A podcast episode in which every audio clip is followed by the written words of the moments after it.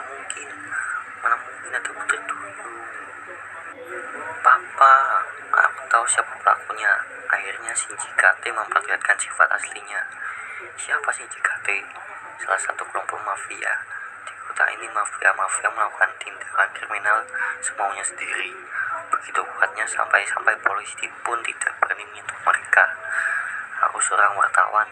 Jadi aku selalu menghimbau masyarakat artikel tentang ide mengusir sekumpulan mafia-mafia tersebut. Dan ternyata tindakanku sangat mengganggu mafia-mafia itu. Sehingga mereka dengan berbagai cara berusaha untuk menghentikan tindakanku. Papa hentikan saja tindakan yang berbahaya jangan bercanda. Sikap seperti itulah yang membuat para mafia itu melunjak. Aku akan terus berjuang melawan mereka. Apa yang hebat tapi kalau kau sampai polisi pun nggak berani menangani mereka